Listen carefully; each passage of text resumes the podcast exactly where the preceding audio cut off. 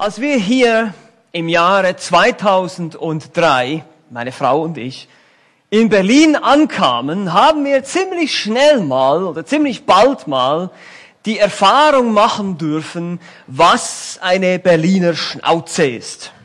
Die ist ja bekannt, ne, die Berliner Schnauze. Und, oder man kann auch sagen, wir haben die ersten Erfahrungen mit der Berliner Freundlichkeit gemacht. Ja, da gab es einen Sonntagmorgen, wo wir dann irgendwie zum, damals hatten wir noch kein Auto, wir waren da mit dem Bus, äh, keine, also nichts gegen Busfahrer jetzt hier, ich weiß, es gibt einen Busfahrer unter uns, ähm, aber wir wollten mit dem Bus äh, zur Gemeinde fahren, damals haben wir in einem anderen Stadtteil gewohnt noch, ähm, und wir haben da am Morgen uns da hingestellt an die Bushalte, das dauerte erstmal ziemlich lange, bis da überhaupt ein Bus kam, und als der Bus dann ankam und Bea und ich das erste Mal in Berlin, das erste Mal Bus fahren, wir haben nicht den Knopf gefunden für die Tür. Ich wusste nicht, wie das Ding aufgeht. Und wir haben da so rumgesucht und dann so dem Fahrer zugewunken und gedacht, mach doch mal auf, ich finde den Knopf nicht. Und da macht der Fahrer doch tatsächlich von innen die Tür auf. Und wir haben schon, ich habe mich schon gefreut, oh, das ist ja freundlich. Und dann hören wir so eine ruppige Stimme, die sagt, was ist? Soll ich den roten Teppich ausrollen oder was? ich habe so gedacht, Willkommen in Berlin! naja, ähm, ein anderes Beispiel war auch eine ruppige Ticketschalterbeamtin, die uns schon mehr oder weniger unfreundlich bedient hat. Und das war damals, glaube ich, am Bahnhof Wartenberg, als damals noch einen Ticketschalter gab. Gibt's ja, glaube ich, heute nicht mehr. Und wir sind dann rausgegangen und ich nehme natürlich an, dass einen Bahnhof, ein öffentliches Gebäude, es eine automatische Tür gibt. Ich bin mir das so gewohnt, dass der Schweiz, da gibt es überall automatische Türen. Aber nicht in Wartenberg, nicht in Hohenschönhausen. Und so ließen wir die Tür offen und wir haben dann von hinten ganz von weitem die Schalterbeamtin gehört, wie sie in ganz freundlichen Ton uns zurief. Tür zu! Ja, also eines haben wir auf jeden Fall bald rausgefunden, die Umgangsformen in Berlin sind gewöhnungsbedürftig. Aber das ist nichts Neues. Es, gibt, es ist nicht nur ein Problem, das jetzt unbedingt die Berliner im Speziellen betrifft. Es ist sicher ein bisschen ausgeprägt hier. Aber Unfreundlichkeit, keine Manieren, unanständig sein, ruppig, frech, Vorlaub, unhöflich ist heute sogar Trend in manchen Kreisen. Ja, es wird in unserer Kultur sogar als cool bezeichnet, wenn jemand immer einen frechen Spruch parat hat. Gerade, und hier spreche ich jetzt auch wieder mal ein bisschen unsere Jugendlichen an, unsere jungen Menschen unter uns und die Kinder, gerade wenn ich auch ein paar schon Erfahrungen jetzt machen durfte in den letzten Jahren mit den öffentlichen Schulen, mit den Schulen, was da so alles abläuft, bin ich manchmal Zeuge davon, wie die Schüler respektlos mit ihren Lehrern oder auch gegenüber ihren Eltern sind. Da kommt mir manchmal das große Schaudern, wenn ich das sehe, wenn ich noch denke, wie ich damals als Schüler Respekt hatte von meinen Lehrern. Aber auch sonst, in, in Filmen, in, in Unterhaltung sind die Rebellen cool. Die, die, die roh und ruppig sind, die unanständig sind und vielleicht sogar pervers redet. Der ist in, der ist voll im Trend. Möglichst jeder Witz, jeder Spruch auch unter die Gürtellinie nun, das ist leider so, dass in einer zunehmend gottlosen Gesellschaft die Gesellschaft auch zunehmend rücksichtslos wird. Eine zunehmend gottlose Gesellschaft wird zunehmend roh und unanständig, unfreundlich und unhöflich. Man verachtet kulturelle Normen des Anstands und des Benimms. Man achtet nicht mehr auf Anstandsregeln, Höflichkeit oder Ehrerbietung. Es ist erschreckend zu sehen, äh, gerade unter jungen Leuten, neben Kindern, die Respektlosigkeit, das Herumblödeln während des Unterrichts, die Frechheiten, die sich manche erlauben, aber auch sonst in der Gesellschaft, im, im Straßenverkehr und so weiter. Wir können ganz verschiedene Beispiele anführen hier. Man hat sich schon so dran gewöhnt, dass es ganz normal ist heute. Ist halt einfach so. Kinder sind halt einfach so. Oder die Berliner sind halt einfach so.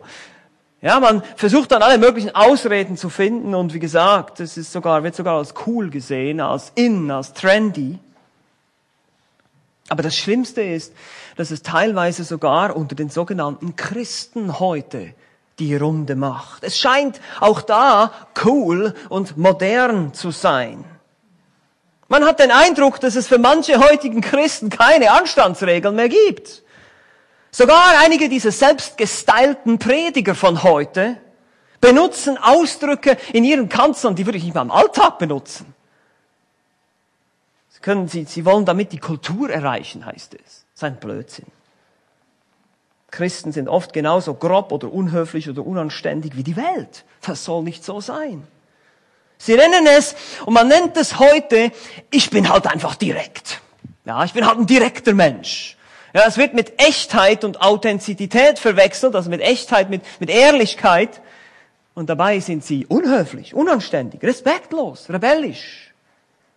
Einfach unfreundlich. Oder können wir auch sagen, lieblos. Aber die Liebe ist nicht unanständig, lesen wir in 1. Korinther 13, Vers 5. Und das passt nicht zu uns, das passt nicht zum Lebensstil eines Christen. Und wir kommen zurück zu unserem Thema im Korintherbrief. Und ihr wisst das und ihr habt das sicherlich jetzt schon auch herausgefunden, dass die Korinther, die damaligen, die Empfänger des Briefes des Paulus kein Paradebeispiel für eine, eine höfliche oder einen höflichen Umgangsform waren miteinander, sondern eher unhöflich und ruppig und rücksichtslos. Wir erinnern uns an die gespaltene, zerstrittene Gemeinde in Korinth, die aufgeblasen und stolz war und deshalb auch rücksichtslos. Sie veranstalteten ein Chaos im Gottesdienst mit den Geistesgaben. Jeder wollte der Erste sein aufgrund seines Stolzes und seiner Aufgeblasenheit. Das haben wir letztes Mal sehr ausführlich betrachtet. Und jeder wollte der Erste sein, wenn es darum ging, seine Gaben zur Schau zu stellen. Man redete wild durcheinander in Sprachen und Offenbarungen und man war dabei total rücksichtslos und unhöflich. Man lässt den anderen gar nicht zu Wort kommen. Ich will der Erste sein. Ich will zuerst prophezeien. Ich will zuerst hier in Sprachen reden. Ich will allen zeigen, wie gut ich in Sprachen reden kann oder wie gut ich prophezeien oder lehren kann. Man ellbögelt sich sozusagen in den Gottesdienst hinein oder vielleicht auch in ein Gespräch, je nachdem und kulturelle Sitten des Anstands wurden einfach über Bord geworfen im Namen der christlichen Freiheit. Und das sehen wir auch im Korintherbrief ganz deutlich. Zum Beispiel haben wir uns mit den Kopfbedeckungen der Frauen beschäftigt in Kapitel 11. Die Frauen haben gesagt, das brauchen wir alles nicht mehr, diese Anstandsregeln, diese Bedeckung, weg damit. Die, ist die Unterordnung der Frau unter ihren Mann symbolisierte. Oder auch beim Mahl des Herrn haben wir gesehen, dass jeder sein Essen beim Mahl vorwegnimmt und der eine betrunken ist, der andere vollgestopft und die anderen haben gar nichts. Einfach unanständig. Einfach total unhöflich. Keine Manieren. Und stellt euch das mal vor, dass während des Mahls des Herrn man gedenkt dem Tod des Herrn, man gedenkt an die liebevollste Tat überhaupt und gleichzeitig ist man so ruppig und unhöflich und rücksichtslos gegenüber einander. Paulus musste sowas einfach ansprechen und korrigieren. Und deshalb ermahnt sie Paulus am Ende seines längeren Abschnitts, wir haben es festgestellt, zwischen, also von Kapitel 12 bis 14 ist ein längerer Abschnitt, der natürlich einerseits die, den Umgang, den richtigen Umgang mit den Geistesgaben regelt, aber grundsätzlich in diesen, in der Mitte, in Kapitel 13, diesen vortrefflicheren Weg der Liebe zeigt, der sich letztlich auch auf all ihre Bereiche auswirken würde, wenn sie ihn ausleben würden. Und so sagt er am Ende von Kapitel 14, lasst alles anständig und ordentlich zugehen. 14, Vers 40. Es geht darum, dass, dass sie im Gottesdienst, in ihrer Versammlung oder auch sonst im Miteinander gute Umgangsformen, gute Manieren, Höflichkeit, Liebe, Rücksicht, dass sie davon geprägt seien. Und das waren sie überhaupt nicht. Und daher muss Paulus über die Liebe schreiben. Und zwar eben diesem längeren Abschnitt Kapitel 12 bis 14, um dieses Durcheinander, dieses Chaos in dieser Gemeinde zu korrigieren, damit es wieder erbauend und liebevoll und hilfreich sein konnte. Im Moment war es abstoßend. Ja, es war sogar abstoßend gegenüber den Ungläubigen, gegenüber den Besuchern, die in die Gemeinde kamen. In 1. Korinther 14, 23 sagt Paulus, wenn nun die gesamte Versammlung an einem Ort zusammenkommt und alle in Sprachen reden, es kommt aber ein Unkundiger oder Ungläubiger rein, werden sie nicht sagen, dass ihr von Sinnen seid? Die werden denken, ihr seid verrückt, wenn ihr so ein Chaos veranstaltet. Unhöflich, nicht einladend, nicht hilfreich, nicht erbauend.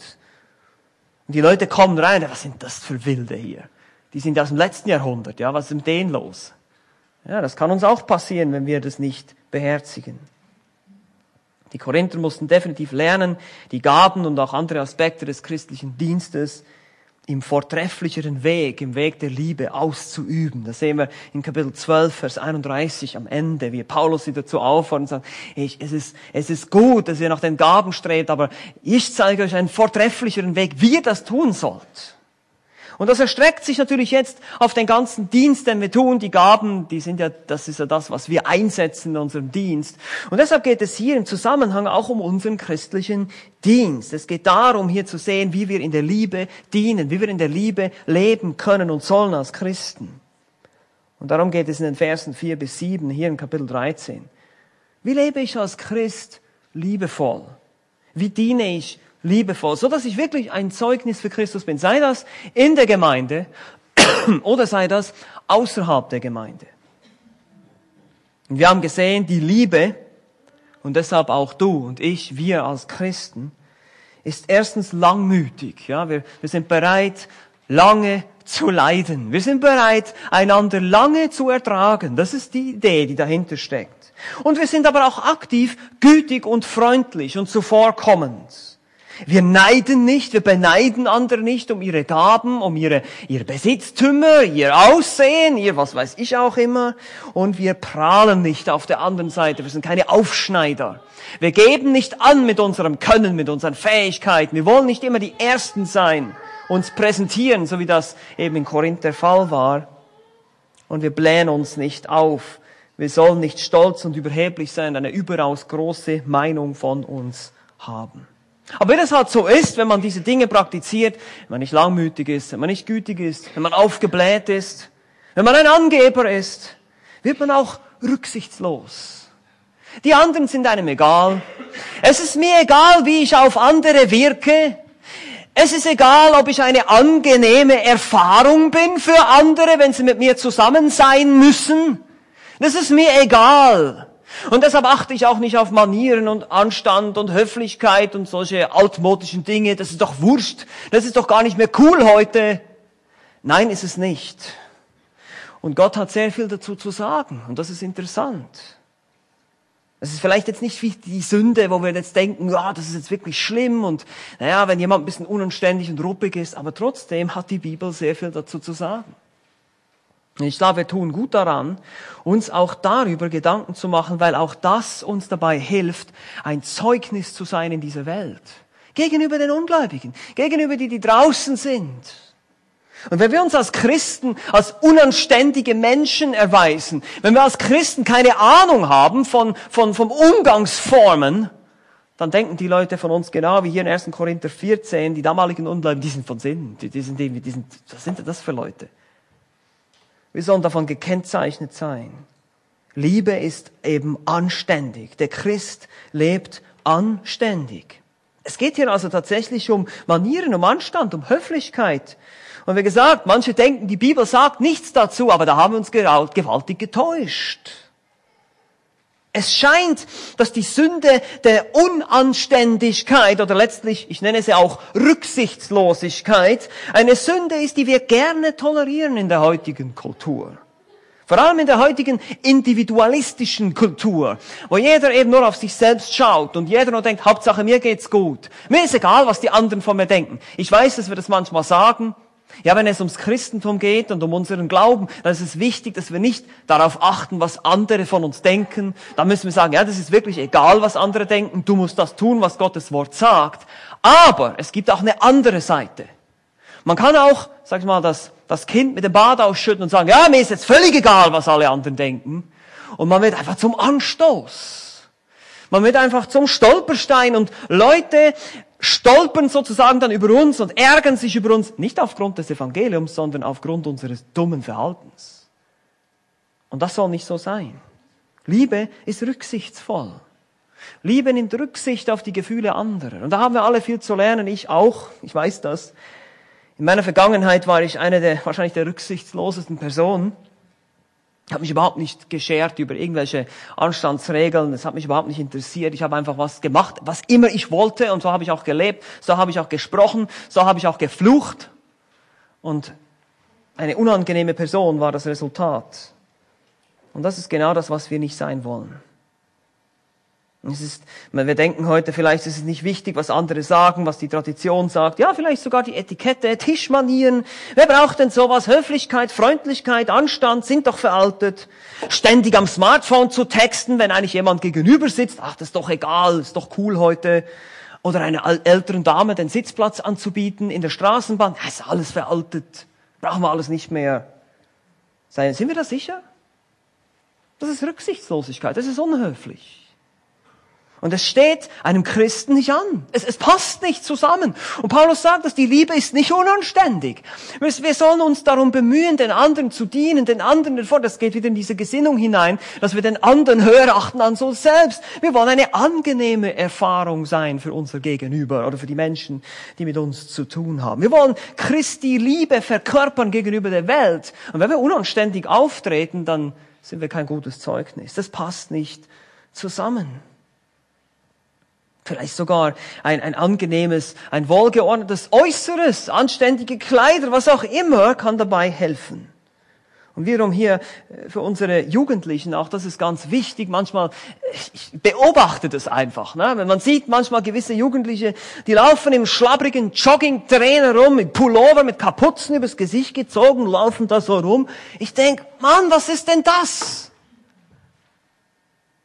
Und man kann es dann fromm verpacken und sagen, ja, ist doch cool heute. Und Gott schaut doch sowieso nur auf das Herz, oder nicht?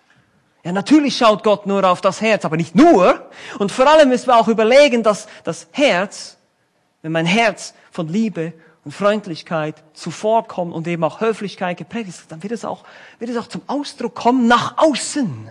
Wie innen so außen. Das haben wir schon gehört von den Worten. Jesus hat gesagt, wessen das Herz voll ist, dessen was? Geht der Mund über. Was hier drin ist, kommt raus. Und das zeigt sich auch in deiner Art und Weise, wie du dich benimmst. Wenn der Heilige Geist in deinem Innern wohnt und dein Herz verändert und wirklich in Liebe lebst, dann wirst du dich auch darum bemühen, wie gesagt, für andere eine angenehme Erfahrung zu sein. Also es ist, es geht um das Herz, es geht wirklich um das Herz. Aber wo kann man das sehen? Was kommt da zum Ausdruck? Was kommt da raus? Wenn unser Herz wirklich in Ordnung ist. Wir müssen verstehen, dass wir mit unseren Kleidern, mit unseren Umgangsformen, mit all diesen Dingen etwas kommunizieren. Und entweder kommuniziere ich, du bist mir egal, es interessiert mich nicht, was ich für dich für eine Erfahrung bin, oder es interessiert mich, ich möchte möglichst eine angenehme Erfahrung, kein Anstoß sein für dich, damit du, damit ich dir Christus verkündigen kann. Das ist die Frage. Das sind kleine Dinge manchmal. Vielleicht auch am Tisch, ja, vollem Mund reden und Ellbogen auf dem Tisch, ja. Das sind, ich weiß, ich habe schon gesagt, das sind jetzt nicht die Hauptprobleme, die wir haben als Christen, aber ich glaube, manchmal ist es gut, wenn wir uns mal darüber Gedanken machen. Was bin ich eigentlich für eine? Vielleicht, vielleicht fragst du mal deinen Ehepartner. Ja, vielleicht fragst du mal Leute um dich herum in der Gemeinde und sagst, hey, bin ich eigentlich grundsätzlich, und ich rede jetzt hier nicht, dass wir alle perfekt sein müssen und ihr müsst jetzt nicht nach Hause gehen und Knicke auswendig lernen und sowas. Einfach nur, dass wir irgendwie eine angenehme Erfahrung sind. Ein, ein, ein, es ist angenehm, um uns herum zu sein. Vielleicht auch mit unseren Worten, mit unserem Tonfall. Sind wir freundlich?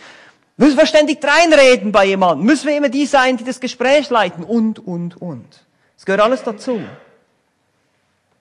Weil sonst heißt es dann wieder über uns, wenn wir so kein gutes Zeugnis sind, eben wie gesagt, ach schau sie dir mal an, die Christen, die wissen nicht mal, wie sie sich in einem öffentlichen Lokal benehmen sollen. Die sind wirklich aus dem Mittelalter rücksichtsvolle Liebe. Und deshalb wollen wir uns das anschauen. Es geht darum, dass wir Rücksicht nehmen auf, ja, teilweise auch auf Sitten, auf Kultur. Das sehen wir auch bei Paulus. Paulus fordert die Christen in Korinth auf, nicht einfach alles über Bord zu werfen, was es damals an, an Anstandsregeln gab. Gerade eben die Kopfbedeckung der Frau ist eine kulturelle Sache in der damaligen Zeit, haben wir schon gesehen. Und er sagt, tut es nicht. Oder auch überhaupt in Kapitel 7, wo es darum geht, dass die einen gesagt haben, ich will jetzt nicht mehr Sklave sein und der andere will nicht mehr dieses sein, er gesagt, nee, seid mal dort, wo ihr seid. Ihr braucht nicht die gesamten Gesellschaftsstrukturen über Bord zu werfen, sondern ihr müsst da drin leben und da drin ein Zeugnis sein. Und deshalb schauen wir uns heute jetzt drei Aspekte der rücksichtsvollen Liebe an. Drei Aspekte der rücksichtsvollen Liebe. Damit wir lernen, ein rücksichtsvolles Leben zu führen. Das ist das Ziel. Wir wollen rücksichtsvoll sein. Anständig. Auf die Empfindungen anderer Rücksicht nehmen. Das ist gar nicht so einfach. Weil wir eben so selbstbezogen sind und nur auf uns selbst. Hauptsache mir geht's gut. Hauptsache ich hab's cool. Ich hab's gemütlich. ist für mich anständig. ist für mich, ja, wir müssen vorsichtig sein. Lass uns das mal anschauen. Erst, schon, erst schauen wir mal das Wesen an. Erstens, das Wesen der rücksichtsvollen Liebe. Wie gesagt, unser Bibeltext hier, 1. Korinther 13, Vers 5, wir kommen jetzt zum Vers 5, ähm, heißt es, die Liebe, in meiner Übersetzung steht hier, gebärdet sich nicht unanständig oder ist nicht unanständig. Sie benimmt sich nicht unanständig. Das griechische Verb hier bedeutet so viel wie sich beschämend oder schändlich zu benehmen, eben dieses Unanständige, unhöflich, grob, ungezogen, rüpelhaft. Und Bibelübersetzungen gehen verschieden damit um. Eben die Elberfelder sagt, gebärdet sich nicht unanständig. Schlachter 2000 unanständig. Luther sagt ungehörig.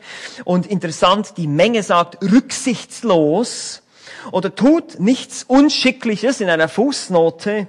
Moderne Übersetzungen gehen sogar in die Richtung eben zu sagen, verletzt nicht den Anstand, die Hoffnung für alle, oder verhält sich nicht taktlos, die neue Genfer Übersetzung, auch sehr gut. Trifft alles irgendwo so den Sinn der Sache, ist nicht taktlos, ist nicht unanständig, ist nicht rüpelhaft, ist rücksicht, ist nicht rücksichtslos. Man nimmt sich keine Freiheiten heraus von der guten Nachricht, ist vielleicht auch noch etwas. Es geht ja dann um diese Freiheit, die ich mir einfach selber nehme, so zu sein, wie immer ich will, und es ist mir egal, was andere denken, in einem negativen Sinne. Es ist also jemand, der nicht unanständig ist, der kein derbes Benehmen an den Tag legt, nicht unverschämt, nicht ungehobelt, nicht vorlaut. Man kann auch sagen, nicht unkultiviert oder unsanft oder roh, primitiv, einfach keine Manieren, keine Höflichkeit, kein Takt, eben taktlos. Und diese Liebe hat Manieren, Benimm und ist zurückhaltend, nicht grob, laut, frech und ungehobelt. Und als Verb wird dieses Wort dann noch einmal in 1. Korinther 7 verwendet, in Vers 36 in Bezug auf die Jungfrauen, und da wird es als ungeziemend übersetzt. Also es ging darum, hier ungeziemend oder unrecht, unschicklich, auch wieder die Schlachter 2000. Wird ein bisschen unterschiedlich übersetzt, ist aber dasselbe Verb. Hier geht es im Kontext um die Väter, die ihre jungfräulichen Töchter davon abhalten wollen zu heiraten, aber dann Schande auf sich laden könnten, wenn diese in Versuchung fallen. Das wäre dann nicht ungeziemend oder nicht unanständig, wenn sie dann trotzdem heiraten, sagt Paulus. Also hier, wir sehen schon so, es verstößt nicht gegen die gesellschaftlichen Normen des, des Anstands. Als Adjektiv, also das Wie-Wort für diejenigen unter uns, die nicht so geläufig sind mit den grammatischen Ausdrücken, finden wir das in 1. Korinther 12, 23. Aschemon, also Aschem, das kommt immer das Wort Schema, also Schema haben wir das deutsche Wort davon kommen wir gleich noch dazu zu sprechen. Unanständig wird es da auch beschrieben. In diesem Fall beschreibt es hier sogar die Organe, die wir zudecken, die Körperteile, die wir zudecken, die unanständig wären in der Öffentlichkeit, die Geschlechtsorgane. 1. Korinther 12, 23. Es gehört sich einfach nicht, diese Dinge in der Öffentlichkeit zu zeigen. Ihr seht schon hier die Idee wieder, Anstand, Höflichkeit, Manieren. Das macht man einfach nicht. In griechischen Literatur wird der Ausdruck auch generell mit Schande auf sich laden aufgrund von Umständen, wie man sich in bestimmten Umständen verhält oder was man tut oder was man sagt. Man ladet damit Schande auf sich. Man ist beschämt. Leute schütteln den Kopf und denken, ach, was ist das eklig, ja? Ist einfach nicht angenehm. Und das Nomen Aschemosune bedeutet so viel wie Schande oder schändliche Tat. Man findet es zum Beispiel in Römer 1,27 im Zusammenhang mit den sexuell schändlichen Verhalten von Homosexuellen. Oder auch in Offenbarung 16,15 im Zusammenhang mit Entblößtsein. Also hier wieder diese öffentliche Schande. Etwas, was man nicht tut in der Öffentlichkeit. Es gehört sich nicht. Es ist unanständig. Es ist unhöflich. Es ist rüpelhaft. Schändlich. Weitere verwandte Nomen findet man auch zum Beispiel in Judas 13, Schändlichkeit, welches das schändliche Verhalten der Irrlehrer beschreibt, oder auch Epheser 5, 4, da geht es auch um Schändlichkeit im Zusammenhang mit albernem Geschwätz oder Witzeleien. Das ist interessant. Witze. Alberne Witze, dummes Gelaber, auch unanständig äh, schändlich wird es hier bezeichnet.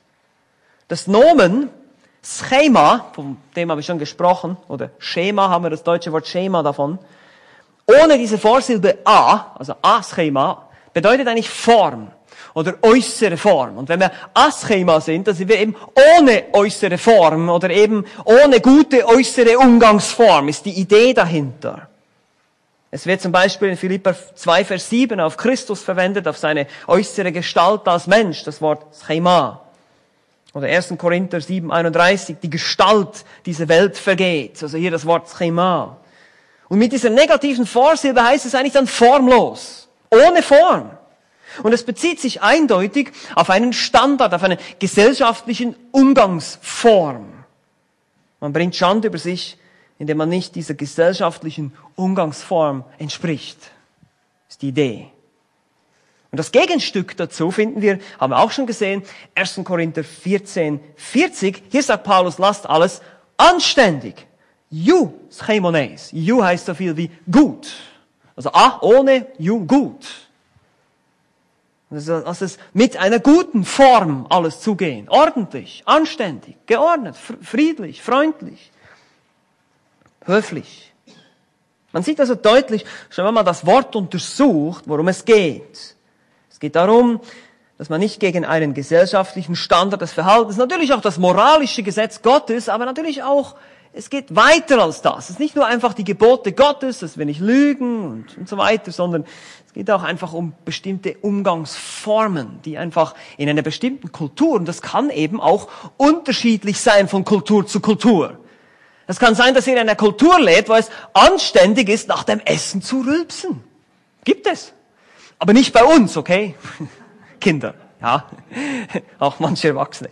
Ich sag's einfach nur, es ist teilweise kulturabhängig, aber man muss sich darum bemühen zu wissen, okay, was ist, was ist in unserem Kulturkreis, was gilt allgemein als anständig und, und angenehm und was ist eher unangenehm für die Leute.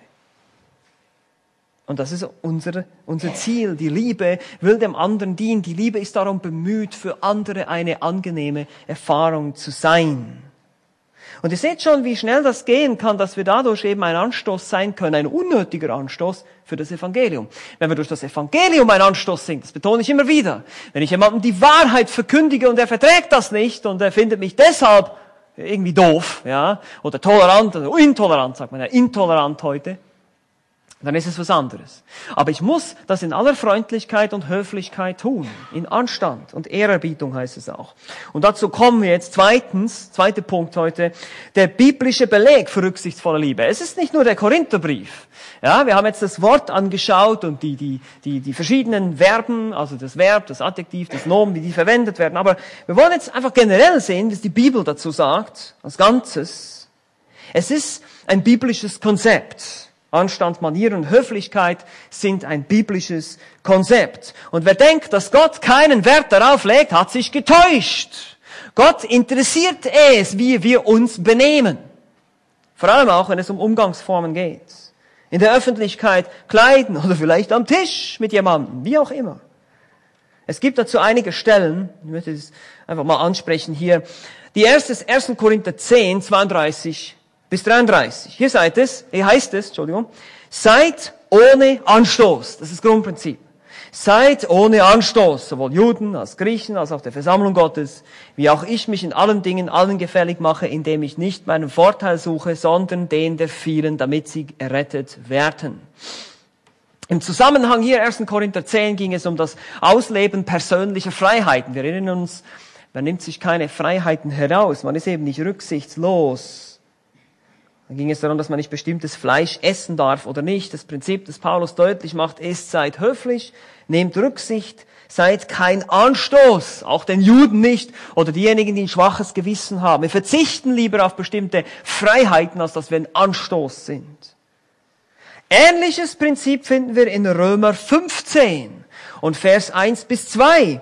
Da heißt es auch, wir aber die Starken, hier auch geht es um Gewissensfragen, sind schuldig, die Schwachheiten der Schwachen zu tragen und nicht uns selbst zu gefallen. Jeder von uns gefalle dem Nächsten zum Guten zur Erbauung. Hier seht ihr schon die Idee dahinter. Ich will dem anderen gefallen. Natürlich, hier geht es nicht darum, Menschenfurcht zu haben, ein Menschendiener zu sein, das Evangelium zu verwässern. Aber hier geht es darum, eine angenehme Erfahrung zu sein für den anderen, wenn es um eine Umgangsform, um eine Höflichkeit, um ein Taktgefühl geht. Der unmittelbare Zusammenhang hier in Römer 15 ist ebenfalls das Ausleben von christlichen Freiheiten. Das ist interessant. Römer 14. Keiner sollte einfach rücksichtslos, ohne Feingefühl, ohne Einfühlungsvermögen, ohne Rücksicht auf das Gewissen des anderen, einfach seine Freiheiten ausleben. Einfach so. Und Römer 12, Vers 17 bringt dasselbe zum Ausdruck. Seid bedacht auf das, was ehrbar ist vor allen Menschen. Seht ihr hier der gesellschaftliche Standard? Hier geht es nicht unbedingt um das Gesetz Gottes. Hier geht es einfach das, was alle Menschen als generell anständig empfinden. Damals in der römischen Kultur, wie auch in der heutigen Kultur. Und es wird immer schwieriger, je unanständiger die Kultur wird, ich weiß. Aber trotzdem gibt es solche Dinge heute immer noch. Es geht einfach darum, Paulus sagt, wir möchten kein Anstoß sein. Nicht das Evangelium verwässern, aber auf andere Art und Weise kein Anstoß sein. Paulus hat ja gesagt in 1. Korinther 1.23, wir predigen Christus als gekreuzigt, den Juden ein Anstoß, den Nationen eine Torheit. Da würde er sich ja selber widersprechen. Das, darum geht es nicht. Es geht dabei darum, dass nichts anderes außer das Evangelium ein Anstoß ist. Das ist wichtig. Nichts anderes nicht meine persönlichen Vorlieben, nicht meine persönlichen Freiheiten, die ich mir rausnehme und einfach so auslebe. Und ihr seht schon, wie das, wie das manchmal vielleicht schwierig ist, wie wir manchmal wirklich rücksichtslos sein können, manchmal auch aus Unwissenheit heraus, plötzlich andere im Gewissen zu verletzen und wir merken, oh, Fettnäpfchen sagen wir dem auch, ne?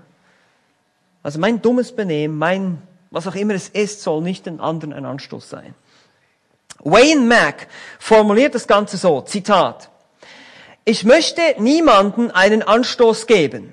Wenn ich mit den Menschen rede und eine Beziehung zu ihnen aufbaue, dann soll dies auf eine anständige Art und Weise geschehen. Ich will nicht ruppig auftreten und ich werde mich hüten, irgendwas zu tun, was andere Mitmenschen verletzen könnte.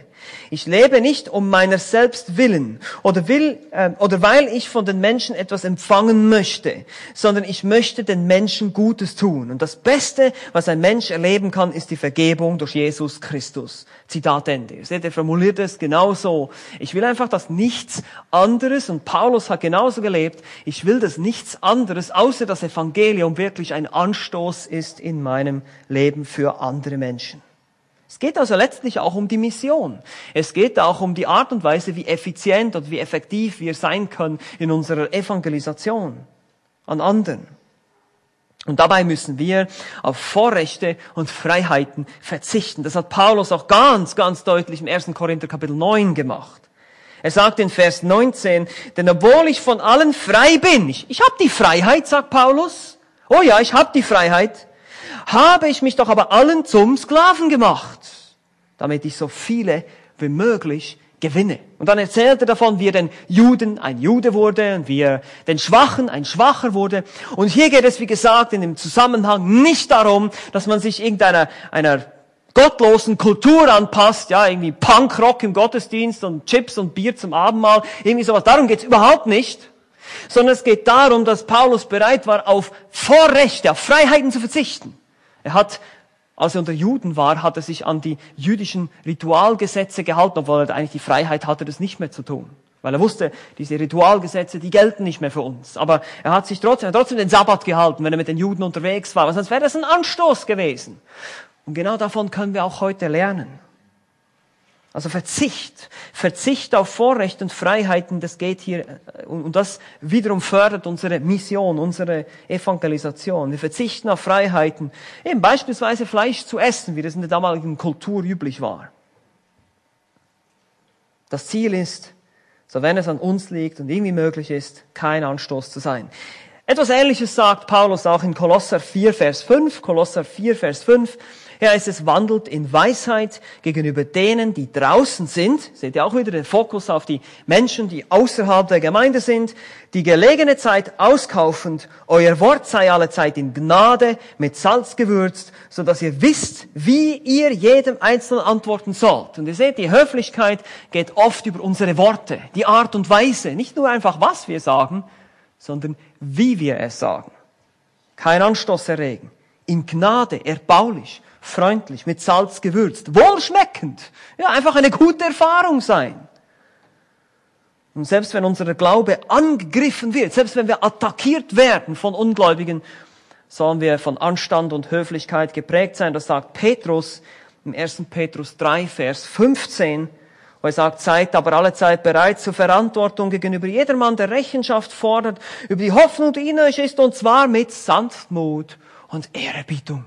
Ja, wir bringen dem Atheisten und dem Agnostiker und dem Esoteriker und all diesen Leuten bringen wir Respekt und Würde entgegen. Wir reden mit ihnen wie mit anständigen Menschen. Wir behandeln sie nicht wie der letzte Träger. Du hast ja keine Ahnung, du blöder Atheist, ja. So, so werden wir auf keinen Fall Menschen gewinnen, ja. Wir dürfen nicht so stolz sein und wir müssen respektvoll auch mit den Ungläubigen umgehen. Selbst wenn sie uns angreifen. Anstand und Höflichkeit entsprechen letztlich der goldenen Regel in Matthäus 7, Vers 12. ist interessant. Alles nun, was irgend ihr wollt, dass euch die Menschen tun, das tut auch ihr ihnen ebenso. Ich meine, wer unter uns wird nicht gerne freundlich und zuvorkommend und liebevoll behandelt, wenn er irgendwo im Geschäft ist und irgendwas haben möchte? Wer unter uns wird nicht gerne freundlich bedient als Kunde oder sonst irgendwo vom Busfahrer? Wer von uns mag es nicht, wenn uns jemand freundlich die Tür öffnet, wenn wir irgendwo reinkommen? Wenn, wir möchten, wir, wir empfinden doch das als, als angenehm, als anständig. Warum tun wir es nicht auch? Behandle andere ebenso. Die Bibel lehrt uns auch, dass wir gegenüber besonders hilfebedürftigen Menschengruppen besonders freundlich und respektvoll sein sollen. Zum Beispiel Respekt gegenüber älteren Menschen. Wie ist es damit? 3. Mose 19, Vers 32. Vor grauem Haar sollst du aufstehen, die Person eines Greises ehren und du sollst dich fürchten vor deinem Gott. Ich bin der Herr. Wir sollen uns nicht belustigen über andere Menschen, besonders nicht über Behinderte oder Hilfsbedürftige. 3. Mose 19, Vers 14. Du sollst einem Tauben nicht fluchen und vor einem Blinden kein Anstoß legen. Und du sollst dich fürchten vor deinem Gott, ich bin der Herr. Wer den Armen verspottet, verhöhnt den, der ihn gemacht hat. Wer über Unglück sich freut, wird nicht für schuldlos gehalten werden. Sprüche 17, Vers 5. Hilfsbedürftige, hilfsbedürftige Menschen, ältere Menschen verdienen ganz viel Würde, Respekt und Höflichkeit. Jeder Mensch hat vor Gott ein Recht auf Würde. Das ist wichtig, dass wir das verstehen. Sie sind alle im Bilde Gottes geschaffen, selbst die Ungläubigen. Manchmal vergessen wir das ein bisschen. Oder sind vielleicht ein bisschen parteiisch. Be bevorzugen bestimmte Menschengruppen. Es ist auch interessant, gerade diese Dinge hier gehen auch in die Richtung, dass eben Diskriminierung aufgrund von, von Rasse oder Herkunft oder Hautfarbe absolut verboten ist von der Schrift her. Es widerspricht dem Geist des Gesetzes der Bibel. Hier auch der Liebe, die eben Anstand, Höflichkeit und Würde jedem Menschen gegenüber entgegenbringt. Das soll so sein, wenn wir als Christen unseren Mitmenschen begegnen. Rücksichtslosigkeit ist Sünde. Es ist mangelnde Freundlichkeit und Liebe, aber auch mangelndes Mitgefühl für andere. Wie gesagt, mir ist es egal, wie ich auf andere wirke. Die muss selber damit klarkommen. Das ist mir egal, es interessiert mich nicht. Ich benehme mich jetzt hier nicht. Ich passe mich hier nicht an. Das ist rebellischer Geist.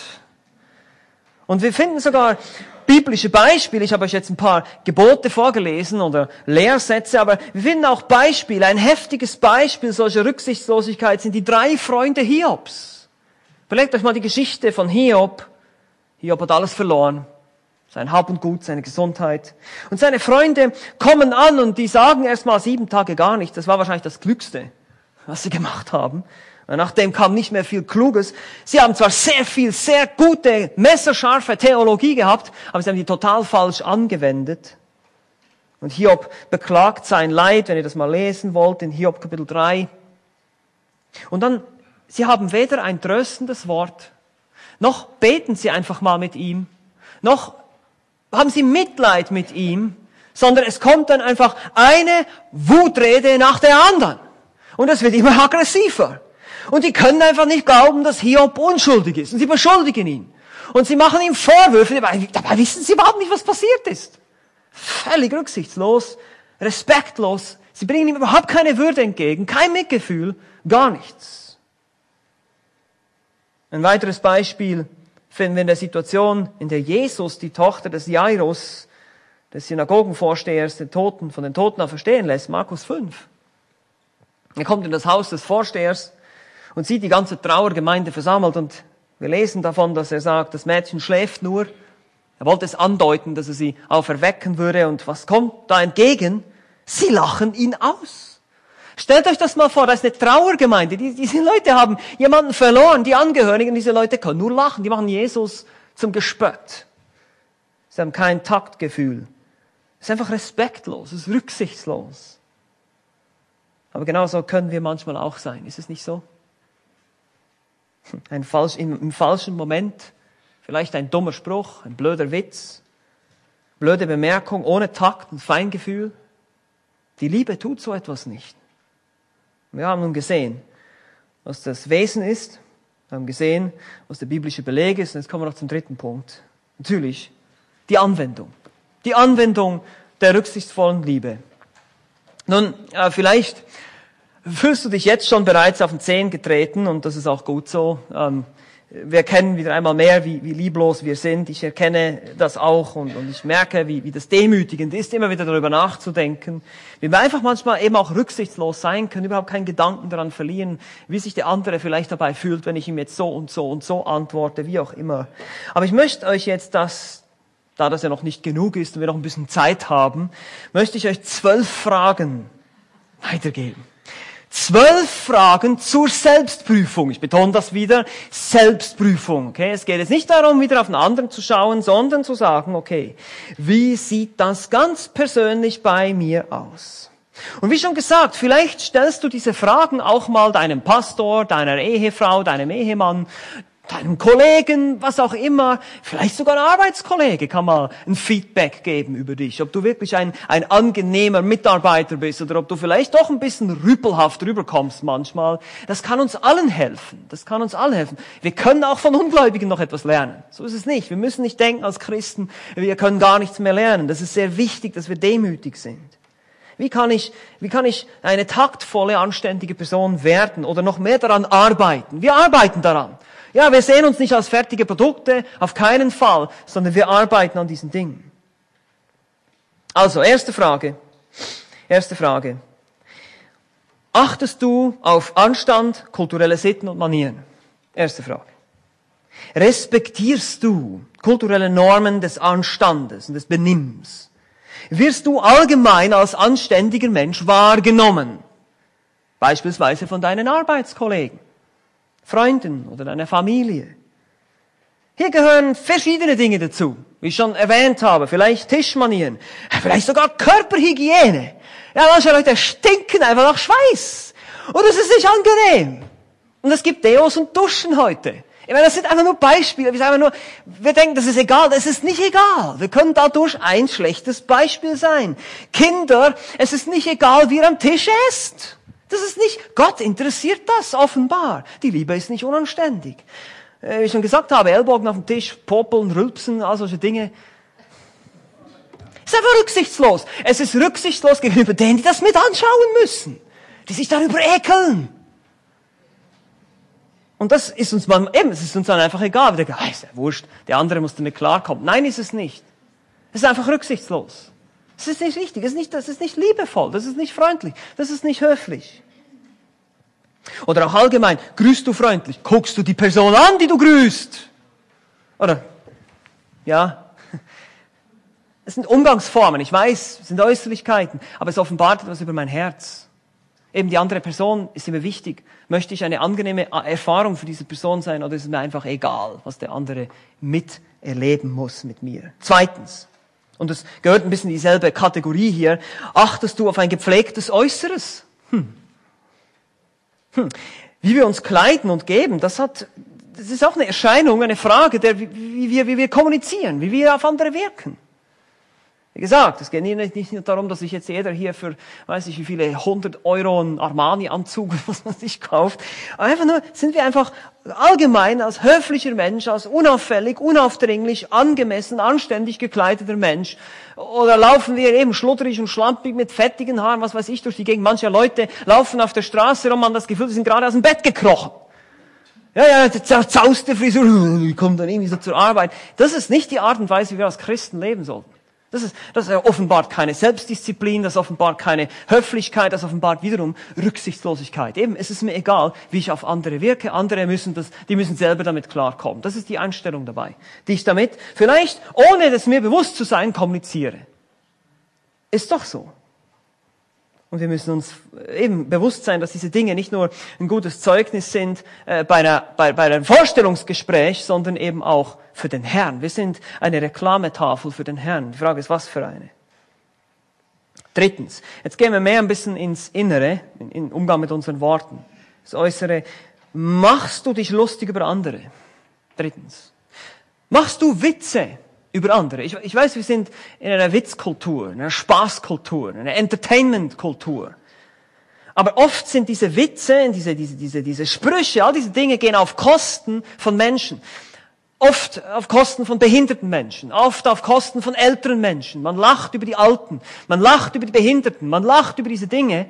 Und das ist rücksichtslos, das ist lieblos, das steht einem Christen nicht an, über solche Dinge zu lachen.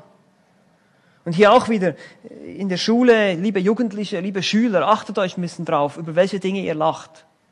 Auch die Erwachsenen natürlich, auch die Älteren, es, es geht uns alle an. Humor ist erst dann lustig, wenn alle Beteiligten darüber lachen können oder könnten, selbst die, die nicht im Raum stehen. Viertens, überlegst du, bevor du sprichst. Das ist natürlich ein generelles Prinzip, was auch für andere Bereiche gilt, aber auch wenn es um die Höflichkeit geht, ist es gut, erst zu denken und dann zu sprechen. Überlege, überlege ich mir gut, wie ich anderen antworte.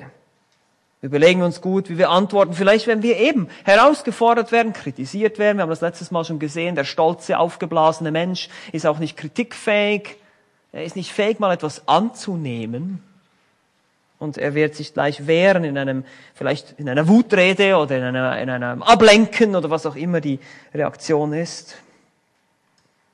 Und vor allem, wie reden wir gegenüber Ungläubigen? Bringt unsere Rede eben Gnade und Erbaulichkeit hervor, wie wir Kolosser 4 gelesen haben. Und was auch noch dazu gehört, fünftens, achtest du auf deinen Tonfall. Der Ton macht die Musik, heißt es im bekannten Sprichwort. Oder eben auch in Sprüche 15, Vers 1, eine sanfte Antwort wendet den Grimm ab. Wie spreche ich mit anderen? Nicht nur, eben wie gesagt, ich kann sehr liebevolle Dinge sagen in einem sehr sarkastischen Ton und dann ist es überhaupt nicht liebevoll. Das geht. Ah, das hast du richtig gut gemacht, Schatz. Richtig gut. Ja. Das ist nicht liebevoll, ja. Und man hört sofort, das ist genau das Gegenteil von dem, was ich eigentlich meine. Und man muss auch vorsichtig sein, deshalb mit Sarkasmus, mit solchen Dingen. Ich weiß, manchmal witzeln wir ein bisschen und so, und das ist auch okay, aber ihr seht, es kann sehr schnell, kann es diese Grenze überschreiten, dass wir einander verletzen, und dann ist es eben rücksichtslos. Es braucht sehr viel Taktgefühl, um auch, sage ich mal, einen, einen, einen Gott wohlgefälligen Humor zu haben. Oder eben Gott wohlgefälligen Umgangston hier jetzt. Reden wir grob, rüpelhaft, ohne uns dabei zu entschuldigen. Eben vielleicht mit uns, vielleicht nicht in der Öffentlichkeit, vielleicht nicht mit unserem Chef, aber zu Hause mit unserem Ehepartner. Reden wir plötzlich rüpelhaft und grob und, und unhöflich. Oder mit unseren Kindern. Und wenn wir das tun, sind wir bereit, uns dafür zu entschuldigen, um um Vergebung zu bitten, wenn wir das getan haben. Oder ist uns das einfach egal? Der muss halt damit klarkommen. Das ist schon so. Nein, ist nicht liebevoll. Sechstens, bist du ein guter Zuhörer? Nun, Rüpel und respektlose Menschen, rücksichtslose Menschen erkennt man daran, dass sie nicht zuhören wollen.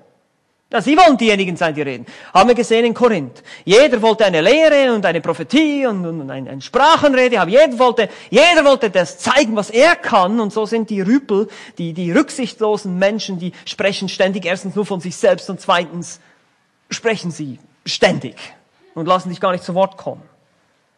Auch wenn man dann einen Rat geben will, und deshalb heißt es in Sprüche 12, 15, der Weg des Narren ist richtig in seinen Augen. Aber der Weise hört auf Rat.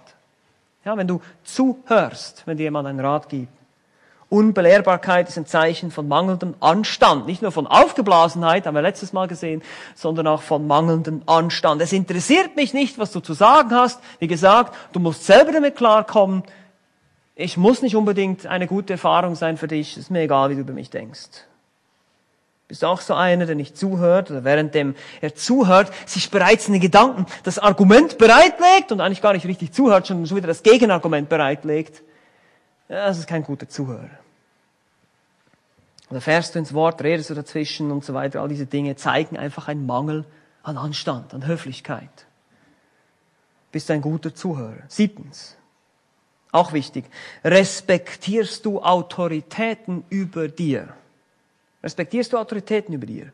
Eben, hier gibt es verschiedene. Regierung, Eltern, Lehrer, Polizei, was auch immer. 1. Petrus 2.13 ordnet euch deshalb aller menschlichen Ordnung unter um des Herrn willen. Und hier wieder um die verschiedenen Bereiche werden auch in der Schrift immer wieder angesprochen. Kinder, widersprecht ihr euren Eltern ständig? Wenn sie etwas beschließen, was euch nicht passt zum Beispiel, oder Jugendliche, oder auch die Erwachsenen, wenn der Chef etwas beschließt, was dir nicht gefällt, wie reagierst du? Du sagst vielleicht Ja, Chef, und dann in deinem Herzen und mit deinen anderen Mitarbeitern fängst du an zu lästern über deinen Chef. Das ist nicht anständig. Und dein Vorgesetzter wird es erfahren.